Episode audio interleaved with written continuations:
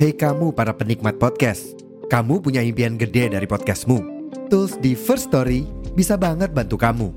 Mulai dari F-Link, Dynamic Audio Insertion, sampai statistik yang komprehensif, semua ada di First Story. Gak ketinggalan, kamu bisa monetisasi podcastmu lewat iklan dari First Story Ads yang bisa kasih kamu penghasilan dari setiap place podcastmu. Yuk gabung sekarang dengan klik di firststory.me.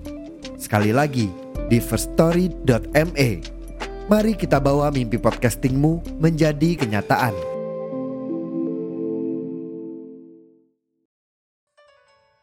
Halo teman-teman semua, saya Dinar dan selamat berteduh di podcast Suara.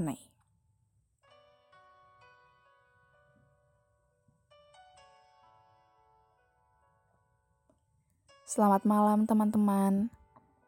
Malam ini, Nai kembali dengan segmen bersuara. Membacakan salah satu cerita yang masuk ke email suara Nai. Semoga cerita kali ini bisa menemani malam minggu teman-teman di mana pun teman-teman berada. Baiklah, tanpa menunggu lama, selamat mendengarkan.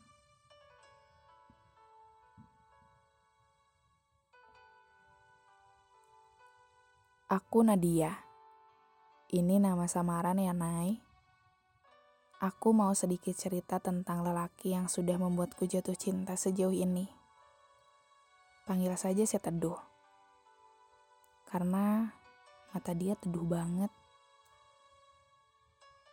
Cerita aku dan dia bermula sejak SMA kelas 1. Awalnya aku gak kenal dia, tapi dia kenal aku lebih dulu kita bertemu di tengah-tengah keramaian di lapang sekolah saat acara ulang tahun sekolah.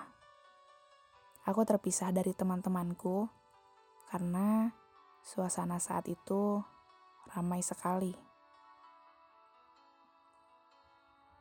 Dia mengajakku menepi, menghindari keramaian. Kamu, Nadia ya, kalimat pertama dari mulutnya. Hah? Kamu tahu aku? Iya, aku Nadia. Aku menjawab dengan ekspresi yang kaget. Biasa aja kali, ucapnya. Eh iya, sorry-sorry. Tanpa sadar, obrolan kita benar-benar random. Dia selalu punya topik obrolan yang gak ada habisnya. Selalu ada hal unik yang dibahas. Tapi satu tahun berlalu dan kita udah kelas 11. Gak ada kata pacaran, Nay. Tapi kita deket kayak orang pacaran. Sedekat itu, sampai mamah tahu kalau si Teduh adalah semangat belajarku. Si Teduh ini pintar. Dia bisa dibilang orang nomor satu yang paling pintar di angkatanku dia selalu siap kalau aku gak ngerti sama satu mata pelajaran. Aku suka dia, Nay. Sejak pertama kali kita ketemu dan ngobrol random satu tahun yang lalu. Tapi aku gak berani bilang. Aku bukan tim confess. Aku tim mendem. Tapi dia seolah-olah bersikap seperti pacarku. Aku takut baper sendirian. Semua momen kita lewatin bareng-bareng. Sampai pada awal kelas 12, kita nulis mimpi kita masing-masing. Dia punya harapan yang tinggi untuk jadi abdi negara. Tapi satu bulan setelah nulis mimpi kita masing-masing, teduhku berubah. Dia berubah setelah kepergian ayahnya. Dia bukan teduh yang ku kenal. Semangatnya menggebu hilang, dan aku gak bisa apa-apa.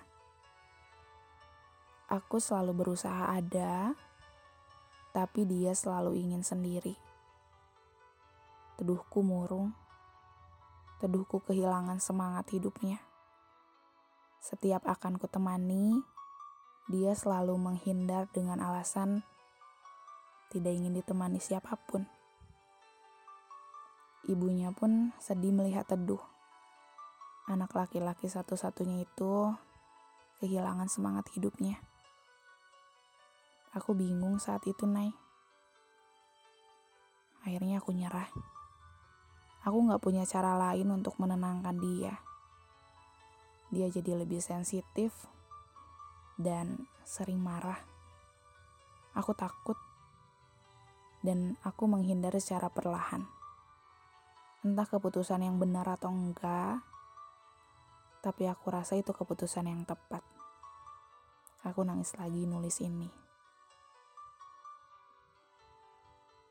Semenjak itu, Aku gak pernah nyapa dia duluan. Aku dengar-dengar dia akan pindah kota dengan ibunya. Entah apa alasannya. Dan benar, setelah wisuda kelas 12, dia pamit. Dengan segala teduh di matanya, aku ingin bilang bahwa aku mencintai dia setulus itu. Hatiku sesak, sakit dan murung. Tapi aku sadar, hidup gak melulu sesuai dengan apa yang kita mau. Nay, ini belum selesai. Tahun ini, aku bertemu kembali dengan teduhku. Oh. Setelah enam tahun kita gak pernah ketemu, akhirnya aku ketemu lagi dengan teduhku.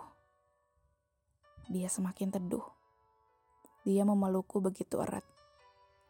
Kita bertemu tanpa sengaja di salah satu kota kecil di daerah Jawa. Dia berbisik sambil menahan tangisnya. Nad, aku gak jadi abdi negara. Tapi aku bangga karena bisa lewatin semua masa kalut dan kelamku. Aku gak bisa nahan nangis dengan kalimat pertama yang diucapkan itu. Enam tahun berlalu, dan itu kalimat pertama yang dia ucapkan saat kita ketemu. Aku meluk dia dengan hangat dan kencang, menepuk-nepuk pundaknya, dan selalu bilang, Aku seneng ketemu kamu lagi. Aku bangga banget ngeliat kamu yang sekarang. Dia memang bukan abdi negara, nih.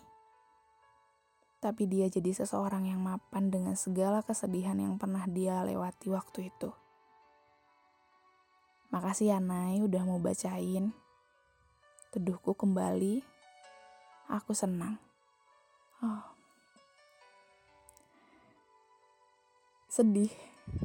Sedih, plot twist, dan senang senang mendengar kabar bahagia yang ditulis oleh Nadia. Walaupun ini nama samaran tapi kita panggil saja dia Nadia. Uh, tidak bisa berkata-kata karena semakin percaya bahwa ketika kita mengikhlaskan sesuatu ketika kita pasrah dan berserah,